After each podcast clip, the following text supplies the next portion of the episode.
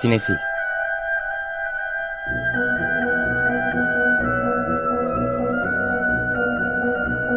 Hazırlayan ve sunanlar Melis Behlil ve Yeşim Burul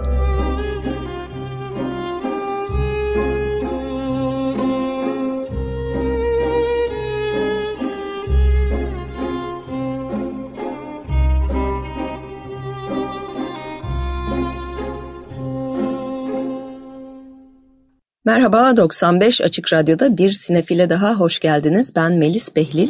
Ben Yeşim Burul. Bu haftada yeni filmler, bir takım haberler ile yılın ilk sinefilinde karşınızdayız. Evet, 2022'ye hoş geldik hep beraber. Ama bu omikron salgınından dolayı çok da hoş geldik diyemeyeceğim. Özellikle sinema özelinde düşünecek olursak. Çünkü bir süre daha sinemalar e, korkutacak zannediyorum. Hani ben ben bir süre gidemeyeceğim galiba. Ben artık şey e, sanırım ümidi kestim bir noktada hastalanacağımı kabul ederek e, çünkü geçtiğimiz hafta Licorice Pizza'nın basın gösterimi vardı ve görmem gerekiyordu. E, evet. evet bu haftanın beklediğimiz filmlerinden biriydi Licorice Pizza gösterimde. Bugün itibariyle vizyona girdi Paul Thomas Anderson'ın son filmi. Başrollerinde Alana Haim, e, Cooper Hoffman, Bradley Cooper, Sean Penn, Tom Waits falan gibi isimlerle beraber ama esas bu ikilinin sürüklediği bir filmden bahsediyoruz. Evet tanıdık suratlar çıkıyor ara ara karşımıza e, ufak tefek başka rollerde ama e, ikisi de oyunculuk deneyimi olmayan bu iki genç e, oyuncu filmi sürükleyip götürüyorlar. İkisi de bu arada Altın Küre'de oyuncu adaylığı aldı. E, Cooper Hoffman, e, Philip Seymour Hoffman'ın da oğlu aynı zamanda babası zaten Paul Thomas Anderson'ın yanılmıyorsam 5 filminde oynamıştı. E, biraz garip onu seyretmek çünkü çok da andırıyor babasını ve çok yetenekli. Ee, bir yandan insan bir üzülüyor o kadar genç kaybettiğimiz bir yetenek için. Bir yandan seviniyor devamı varmış umarız. Cooper Hoffman da o yolda e, en azından kariyer yolunda e, başarılı bir şekilde devam eder diye. E, ve Paul Thomas Anderson'ın da çok tanıdığımız bir dünyasına tekrar dönüyoruz. Evet Alana Haim'de aslında ilk oyunculuk denemesi olmasına rağmen sahnelere yabancı biri de değil. Ee, kız kardeşleriyle beraber Haim diye bir e, rock grupları var, müzik grupları. Dolayısıyla sahnelerde olmaya, performans sergilemeye alışkın biri. Dediğin gibi Cooper Hoffman zaten genetik olarak avantajlı. Hani yetenek e, babadan geliyor diyebiliriz bir noktada. Ama tabii orada Paul Thomas Anderson bu ikisini bir araya getirme, onların kimyalarının uyacağını öngörebilme ve e, bu hikayeyi onlarla anlatmak istemesi ki hikaye de çok aslında biyografik özellikler taşıyor. Evet, e, hatta karakterlerin bir kısmı e, gerçek hayatta olan isimler, o isimleriyle e, varlar. Bir kısmı ise e, üstü o kadar örtük değil ki kim olduğunu tahmin edebileceğimiz karakterler. 1970'ler, 73 hatta e, Los Angeles'ın da San Fernando Vadisi'nde e, bir gençlik hikayesi. Anderson'ın daha önceki filmlerine göre daha e, bir nevi hafif diyelim böyle bir aşk hikayesi, büyüme hikayesi 15 yaşındaki bir liseli öğrencinin ilk sahneden zaten e, 25 yaşında genç bir kadını gözüne kestirip ona e, e, hafifçe bile diyemeyeceğim doğrudan asılmasıyla başlıyor hikaye ve yani bir noktada dostluğa dönüyor, değişiyor, ediyor. Film Amerika'da e, pedofili güzellemesi olarak biraz eleştirildi ama hani 16 yaşına gelmiş ve zaten oyunculuk yapan ve yaşının çok ötesinde bir genç adamın e, pek de yani biraz aşırı hassasiyet olduğunu ben düşünüyorum şahsen bunun. Yani öyle bir rahatsız edici bir noktaya da hiçbir zaman filmin içinde gitmiyor. E, bence daha çok o dönem Hollywood'una dair biraz e, hani işlerin nasıl değiştiğini de görebildiğimiz e, dokunduğu noktalar var. E, diğer böyle dönem filmlerini falan düşündüğümüzde ne bileyim There Will Be Blood'ı falan düşündüğümüzde Anderson'ın yaptığı çok daha naif bir dünya var karşımızda. Ee, benim en sevdiğim Anderson değil onu da hemen söyleyeyim ama yarattığı atmosfer yine de çok hoş. Ee, Alana Haim bütün ailesiyle oynuyor. Annesi, babası, kız kardeşleri öyle büyük bir aileler filmde de. Hepsi kendi şeyinde rolünde ama 73'te bir aileler.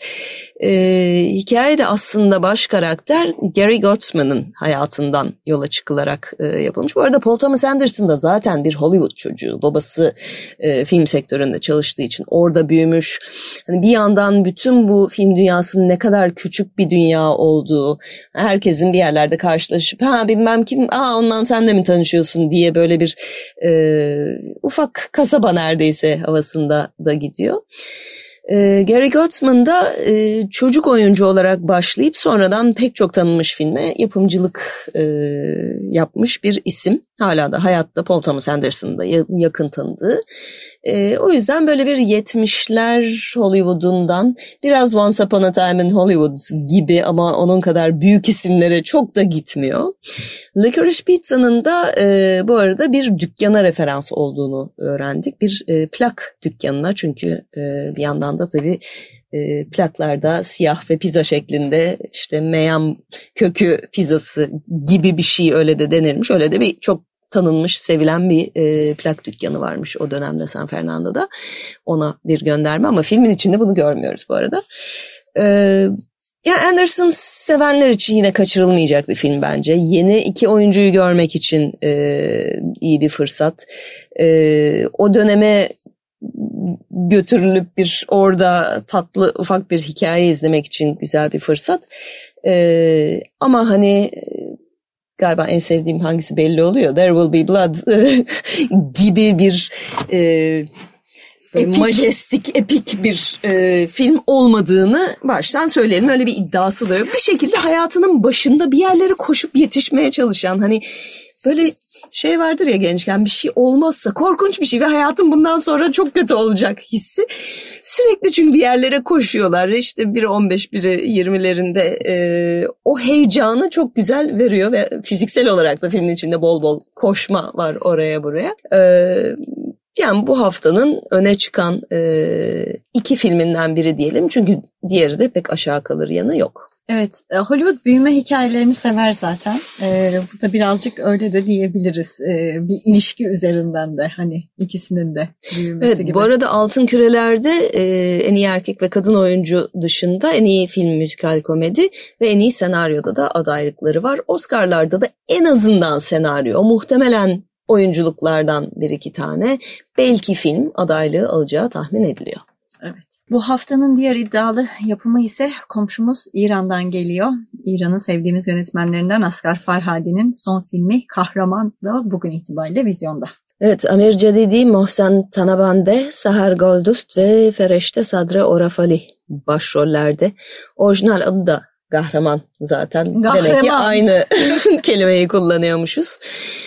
Ee, yine böyle bir etik ikilem ve kim haklı, kim değil soruları Farhadi'den. Sevdiği sular da yüzüyor. Çok yine. sevdiği sular ve yine çok e, beğenildi. Kandan büyük jüri ödülüyle döndü. Altın Küreler'de yabancı film adayı, Oscar'larda son 15'e kaldı ki son 5'e kalması herhalde artık hani çok beklenen bir şey. Üçüncü Oscar'ını verirler mi bilemiyorum artık ama e, Farhadi'yi sevenlerin zaten kaçırmak istemeyeceği bir film olacak Kahraman. Evet burada da ana kahraman bir erkek e, yine Rahim adında ödeyemediği bir borç yüzünden, bir borçluluk durumu yüzünden hapiste. İki günlük o hava, hava alma izniyle e, ailesinin yanına e, geldiğinde bir taraftan işte borcunun bir kısmını ödeyeyim de hani şikayetçi olan o alacaklısı vazgeçsin derken e, olaylar hiç beklediği gibi gelişmiyor. E, böyle önce bir kahraman gibi buluyor kendini ama sonra olaylar sarpa sarıyor, bambaşka yerlere gidiyor. Ee, yine bu etik sorunlar e, üzerinde kim kahraman, kim değil, kim cesur, kim değil ve e, aslında hayatın o ikilemleri tam Farhadi'nin sevdiği damarlar. Evet haftanın öne çıkan iki filmi Licorice Pizza ve Kahraman. Ee, aksiyon severlere bu hafta The Kingsman başlangıç var ki Kingsman serisinin üçüncü filmi ancak e, tarihte geriye gidiyoruz. Kingsman grubunun kuruluşunu anlatıyor. Birinci Dünya Savaşı'nın hemen e, arefesinde kurulmuş. E, pardon arefesinde değil hemen ardında kurulmuş. O yüzden hikayede savaşın öncesinde ve esnasında geçiyor. Kingsman'ı biliyoruz aslında bir şeyden çizgi romandan uyarlama Marvel'ın bastığı. Ee, Marvel'ın bir alt şeyi Icon Comics'ten geliyor. Ve e, Marvel'ın 2021'deki 6. filmi aslında. Bize Bunu 2022'de, da Marvel sayarsak evet. Evet 2020'de gösterime girmesine rağmen bizde. Biz e, Melis de ben de Kingsman'ın önceki filmlerini seviyoruz aslında. Seri olarak da sevdiğimiz bir şeydi ama bu orijin hikayesi çok da istediğimiz gibi olmamış sanıyorum. Başrollerinde Ray Fiennes, Harris Dickinson, Gemma Arterton ve Jaimon Honsu yer alıyorlar.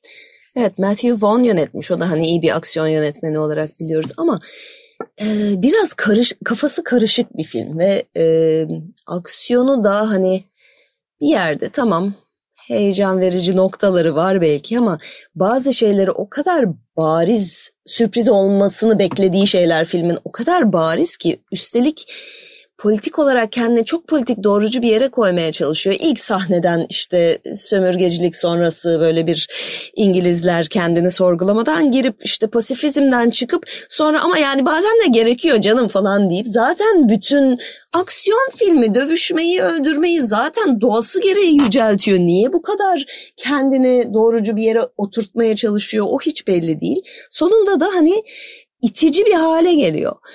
E, keyifli kısmı bu Birinci Dünya Savaşı esnasındaki pek çok hikayenin işte e, Prinsip'in e, suikastı, Franz Ferdinand'a yok işte Rasputin'in öldürülmesi falan. Bunların aslında bizim karakterlerin orada ne yaptığı vesaire şeklinde e, taraflarını görmemiz yok işte biraz tarih dersi gibi. Benim mesela dönüp tekrar bir Wikipedia'dan bazı şeylere bakmama yol açtı. O yönünü sevdim ama Rasputin onun dışında... Rasputin iyi kastedilmiş ayrıca. Rasputin evet. E, Rice Evans hakikaten olmuş o. Ama yani Rasputin'le olan kavga hani sürdükçe sürüyor çünkü Rasputin ölmüyor kolay kolay ve hani bir yerde ay tamam yeter artık hissini bir aksiyon filmi vermemeli izleyiciye. Ee, yani ben burada yıllardır çok negatif konuşmamaya çalışırım filmler hakkında ama epeydir bu kadar hayal kırıklığına uğradığım bir e, ve hevesle gittiğim bir aksiyon filmi benim için epey bir e, hayal kırıklığı oldu The Kingsman. Ama hani e, illa bu hafta da aksiyon olsun Örümcek Adam'la Matrix'i bitirdim diyorsanız yine opsiyon olur. Evet sırada. Bu arada şeyi de söyleyeyim Netflix'te bir saatlik bir film var. E, Attack of the Hollywood Clichés diye Hollywood klişelerinin işte saldırısı. İlk üç dakikada zaten iki klişeyi yazdık bir kenara. Sonra film boyunca ha o da oldu bu da yani dönem filmi aksiyon filmi kapsamında barındırabileceği klişelerin sanırım tamamını barındırıyordu. Ve klişe tamam sevdiğimiz bir şey ama biraz da onunla oynanmasını da istiyoruz. O orada olamamış pek. Evet orada biraz tökezliyor. Üzücü oldu. Sevdiğimiz bir seviye e, kötü bir başlangıç. İyi de bir kadro gelmesi. ama. Evet yani evet. Refines'ı izlemeye doyamıyoruz genel olarak. Ee, birazdan da bahsedeceğiz haftanın filmlerini konuştuktan sonra Harry Potter'ın 20. E, yıl e, reunion'ında da e, adını söyleyemediğimiz karakter olarak yine karşımızda. E, bu hafta bir takım yerli filmlerimiz de var. Çeşitli kontenjanlarda. Evet dört yerli film var. Dört farklı tür. E, yani hepsi de çok tanıdığımız sinemamızın türlerinden. Biri mesela bir komedi. Nalan adında Fatih Mutlu yönetmiş. Başrollerde Açelya Topaloğlu, Sergen Deveci, Berna Koraltürk ve Bülent Alkış yer alıyorlar. Nalan bir televizyon sunucusu. Böyle reytinglere e, alt üst eden çok başarılı falan. Sonra bir trafik kazası yapıyor. İki sene ara veriyor. Programına tekrar geri döndüğünde fark ediyor ki ağzından çıkan aklından geçen değil. Tam tersini söylüyor. İşin daha da garip tarafı bu bulaşıcı. O kısmı biraz zorluyor tabii ama. Trafik yani, kazası mı bulaş? Evet. Ee, Yani en azından son zamanlardaki bir takım komediler sadece bel altına ve cinsiyetçi bir e, mizaha oynadıkları için bu en azından oradan biraz daha başka bir yerde duruyor. O açıdan bir avantaj diyebiliriz. Ee, bir, bir tane de melodram var. Melodramımız tabii. O da Canım Dayım. Bize Bir Şans Verin. Fuat Yılmaz yönetmiş. Başrolünde Adem Yılmaz, Ayşenaz Atakol, Zehra Yılmaz, Fatih Topçuoğlu ve Merve Bulut var. Burada da e, Karadeniz'de geçen bir hikaye. E, Adem adında savant sendromlu otizmli bir genç e, Çernobil faciasından sonra Samsun'a göç ediyor ailesiyle. E, ancak o dönemde e, hatırlarsınız kanser vakaları müthiş yükselmişti. Bütün ailesi neredeyse e, kanser oluyor. Hepsi hayatını kaybediyor. E, bir tek ablası ve yeğeni ve Adem'in kendisi kalıyor ki ablası da zaten o da kanser. O yüzden bol bol ağlamalı e, bir hikaye karşımızda. Bir sürü şeyi karıştırmıyor. Hem Çernobil var hem Savan sendromu var. Savan sendromu da Türkiye'de e, ana akım jargona şeyle girdi. Bu Mucize Doktor e, dizisiyle girdi. Good Doctor'ın Türkiye uyarlamasıyla. Böylece hani Savan sendromu öğrendi halkımız. Şimdi filmini de belki izler diyerek olmuş olabilir. Bu hafta bir de tabii cinli filmimiz var. Tabii cinsiz olmaz. Evet. Lübbey'in laneti. Lübbey ne? Lübbey bir köy. Hmm. E, Manisa Salihli ile Ödemiş sınırında bir hayalet köy Lübbey. Oranın mezarlığında bir harita bulunuyor. İşte Cinci Hoca var, mezarlık var, cinler var, kan var, revan var. Yani aşağı yukarı hep e, benzediğim benzer e, gördüğümüz şeyler var. Muska var, işte Cinci Hoca'nın verdiği lanetler var. E, yani her hafta bir tane var aşağı yukarı. Metin Yücel başrol e, pardon yönetmiş ama aynı zamanda evet Metin Yücel, Frengiz Oruçova, Tevfik İnceoğlu, Melda Yazgı ve Seda Can Polat başrollerde. Evet bu hafta bir de canlandırma filmi var. Aslan Hürkuş, Kayıp Elmas. Hakan Bol ile Sinan Güngör yönetmişler. Ee, burada da e, havacılığı çocuklara sevdirmeye yönelik bir çalışma var. Hürkuş tabii e, tanıdık gelecektir. Ünlü teyyareci Vecihi Hürkuş, e, Türkiye'nin, yani Osmanlı'dan kalma diyelim, e, ilk e, şeyi, pilotu, ilk e, havacısı, ilk uçağı yapan kişi aynı Ki zamanda. onun da filmi yapılmıştı. Evet. E, burada da onun şeyi üzerinden, e, mirası üzerinden bir e, canlandırma anlatı. Evet, büyük büyük torunu Aslan'ın maceraları e, hem uçak mühendisi olup hem bu hür kuşu canlandırmaya çalışıp hem de efsanevi kayıp elmasın peşine düşmesini e, anlatıyor film. E, oldukça küçük izleyicilere yönelik e, hı hı. animasyonu da hani e, artık 3, 5, 6 hı. civarı. E, ama evet senin de dediğin gibi şöyle bir cümle var basın bülteninde bunu da paylaşmadan edemeyeceğim. Hürkuş ile ilgili sahnelerde TUSAŞ mühendislerinin teknik danışmanlık desteği verdiği animasyon film, okul çağındaki çocuklara havacılığı ve milli teknolojiyi sevdirmeyi amaçlıyor. Şahane. Küçükken işleyelim belki büyüyüp çok başarılı olduklarında yurt dışına gitmezler. Gibi belki, bir, belki. E, dilek. Evet, Aslan Hürkuş, Kayıp Elmas da bugün itibariyle vizyonda. Evet, e, bunlar e, sinemalardaki e, filmler. Bir de sinemaları açamayanlar var. E, bu haftanın taze haberlerinden Sundance Festivali tekrar online'a döndü. Evet, geçen hafta da bahsetmiştik. Ee, Sundance, Rotterdam'ı söylemiştik. Rotterdam'ı söylemiştik. Sundance yapacak gene kontrollü falan filan derken e, bu üzerimize yağ, yağan omikron şeyiyle beraber, dalgasıyla beraber öyle e, hakikaten inanılmaz. Ben böyle o şey gibi e, saman alevi gibi yayılmış durumda. E, festival bütün e, yüz yüze etkinlikleri iptal etmiş ve e, mümkün olunca online'a geçirmiş. Evet yani Sundance bu arada bunu en iyi yapabilen e, online'a en iyi yapabilen festivallerden biri olmuştu geçen sene ki zaten 2020'yi atlatmıştı Ocak'ta olduğu için. Geçen sene de online'ı başarılı yapanlardan biri olarak görülmüştü ama bu sene kiş, yüz yüzeye dönmeye çok niyetlilerdi. E, Türkiye'den de e, film var katılan yarışmaya. E, maalesef yine online'a dönüyor. Dediğimiz gibi Rotterdam'da döndü. Onların da bugünlerde basın e, gö- e, toplantısı yapılacak. Nasıl tam olarak hı hı. e, online'ı e, yürüteceklerine dair ama bu Ocak-Şubat büyük festivalleri e, yüz yüzeden vazgeçmiş durumdalar.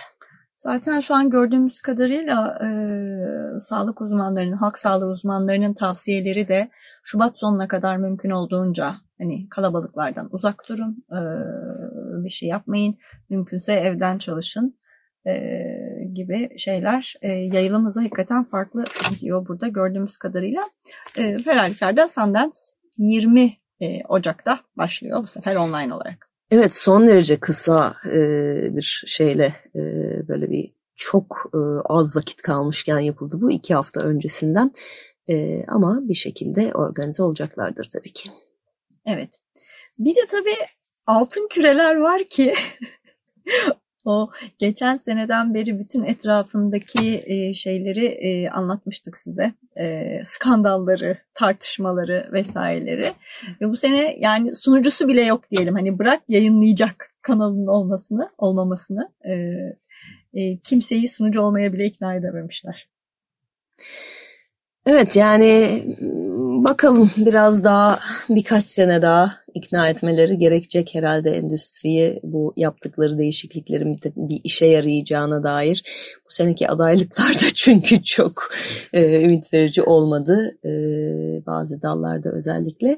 E, bir de yani bir yandan da zaten niye bu kadar büyüdü altın küreler? Biz bunu yıllardır söylüyoruz. Yani Hollywood'dan bildiren bir grup magazin gazetecisinin yaptığı seçimler niye bütün bu ödül sürecinin ilk büyük haberi olmalı ve e, belirleyicisi olmalı? Zaten hani niye sinemayı ciddiye alacaksak eğer e, doğrusuna doğru bir düzeltmeye girildi hissine kapılıyorum. Bakalım. Ben bana o biraz sektörel şey gibi geliyor. Nasıl Oscar'lar zamanında ya birazcık filmlerin dikkat çekeceği böyle bir ödül bir şey oluşturalım e, şeyiyle motivasyonuyla yola çıkmışsa akademi zaten Oscar ödüllerini vermeye başlaması. E, bu işte Hollywood Foreign Press olarak bildiğimiz e, Hollywood'daki yabancı basın mensuplarının biz de altın küreler verelim demesi muhtemelen stüdyolar tarafından o dönemde ay ne güzel hani filmleri cilalatacak parlatacak bir okazyon daha çıktı ortaya. Evet. İyi de sponsorlar aldılar. Bir de tabii bunca yıldır devam eden şeylerinden biri böyle içkili yemekli eğlenceli bir parti havasında sürüyor olması daha birazcık daha sivri dilli sunuculara yer verebiliyor olmaları Ricky Gervais'in özellikle sunduğu yılları düşünecek olursak. Yani oradaki o eğlence ortam bence tamamen pazarlama potansiyelinden dolayı bu kadar uzun sürdü ama o kadar büyük bir balondu ki Melis'in de dediği gibi en sonunda patladı tabii. Evet bakalım ee, önümüzdeki haftalarda onu da e, göreceğiz nasıl verilecek ve de e, kimler alacak ödülleri ki e, yavaş yavaş diğer ödül e, süreçleri de başlıyor. E, biz de merakla bekliyoruz. Evet bir de e, tabii vizyon dışında, sinema vizyonları dışında da streaming platformları üzerinden gösterime giren filmler var. Birazcık onlardan da bahsedeceğiz. Mesela Don't Look Up. Ee, Netflix'in en son e, iddialı yapımını ikimiz de izledik. Öyle bir kısa değerlendirme yapalım istedik sizler için. Evet, Adam McKay'in yönettiği film e, epey de bir izlendi. Zaten başrollerde e, öyle bir kadro var ki hani yok yok şeklinde e, Leonardo DiCaprio ve Jennifer Lawrence'dan başlayıp Meryl Streep'in Amerika Başkanı'nı canlandırdığı bir filmden bahsediyoruz. E, Dişi Trump. Dişi Trump tam olarak. E, bir meteor dünyaya yaklaşmakta ve insanlar bir türlü umursamıyor. Yani çok bariz geliyorsa evet e, iklim krizine dikkat çekmek için bir film yapmak istemiş Adam McKay ve daha bariz bir şey olsun diye bunu seçmiş. Ama biraz fazla bariz ve kör gözün parmağına ve bunu o kadar artık altını çizerek yapıyor ki beni en azından e, böyle bir irkiltip tamam yeter hani bu kadarını da almayayım dedirtti bana. Çok seveni var bu arada onu da söyleyelim. Ee, ama yani bana biraz fazla e, geldi. Bir de uzun. Evet. Ya bu seneki bu arada Oscar'larda herhangi bir iddiası olan film iki saatten aşağı bir şey yok bu sene. Biz buna çok karşıyız. Çok karşıyız. çok karşıyız. 100 dakika çok güzel bir süre. kurgucuları göreve davet ediyoruz. Evet. Evet. Ee, ya Don't Look Up için ben de şunu söylemek istiyorum. Bütün karakterler aşırı karikatürize. Ve bu beni çok rahatsız etti. Yani çok önemli bir meseleyi gündeme taşıma iddiası olan ve e, senaryoya katkısı olan bir takım uzmanların da altını çizdiği üzere işte bu filmi sevmeyen, işte iklim değişikliğine karşıdır falan filan gibi o kadar bir de iddialı laflar ettiler ki Adam McKay de bir şeyler söyledi falan. Yani e, bu, bu çok talihsiz. Çünkü yani bu kadar ciddiye alınmasını istiyorsan her şeyi bu kadar karikatürize etme o zaman. E, o yani e, siyasi hiciv denilen şeyi çok iyi yapan filmler var. Wag the Dog mesela. Evet. Yani bu zaten böyle sosyal medya çağına bir wag the dog ama wag the dog hala çok daha iyi. Hala çok daha iyi. E, bir başkası In the Loop demek istiyorum. Armando Iannucci hani bu konuda hala Ticovit dizisinden beri yani gerçekten çok iyi yapıyor bunu. Ee, her şeyle dalga geçiyor, her şeye lafını sokuyor vesaire ama meselenin ciddiyetinin de altını çiziyor. Orada da bir takım bağıran karakterler vardır her zaman ama o bağırmaları böyle karikatürize durmuyor. Sonra ben casting konusunda da birazcık şikayetçiyim. Yani Leonardo DiCaprio ile hiç olmamış diyorum. Uğraşmış kendince ama e, yani e, herhalde şey e, bu iklim ve çevre meselelerinin en duyarlı e, film yıldızı olarak onu bulmuş olabilirler. Evet. Mark Rylance'ı bu arada sevdim Mükemmel. o ay. Bir nevi Ethan e, e, pardon şey e, Elon Musk. Elon Musk ile e, Jeff Bezos'un karışımı bir karakteri canlandırıyor. Mark Rylance hakikaten e, Timothée Chalamet. Yani bu arada dediğimiz gibi herkes var. Kate Blanchett var. Tyler Perry, Ariana Grande hani normalde oyunculuğuyla bilmediğimiz büyük başka müzik starları da var. E, ama evet biraz ikimizi de biraz mutsuz etti ki ben Adam McKay seviyorum.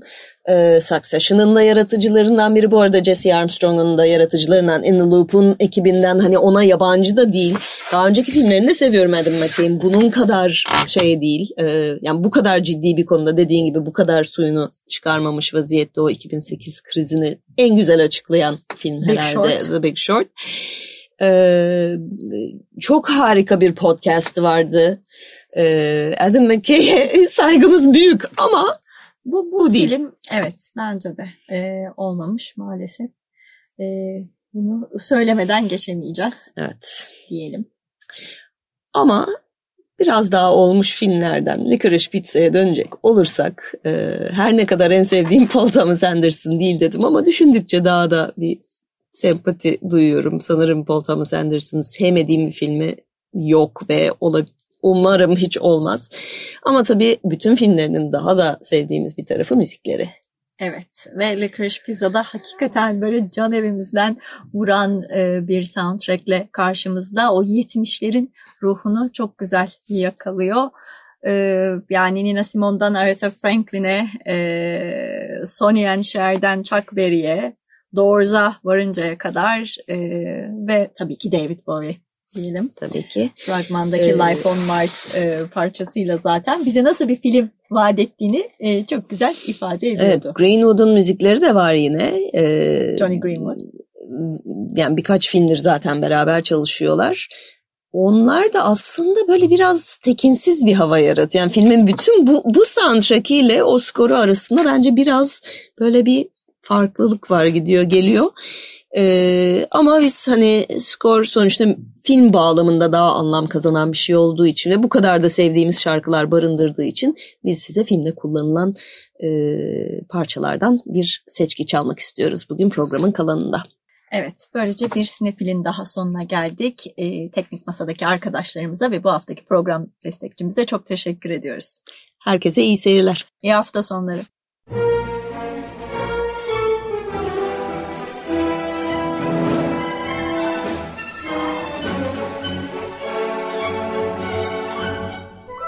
Sinefil.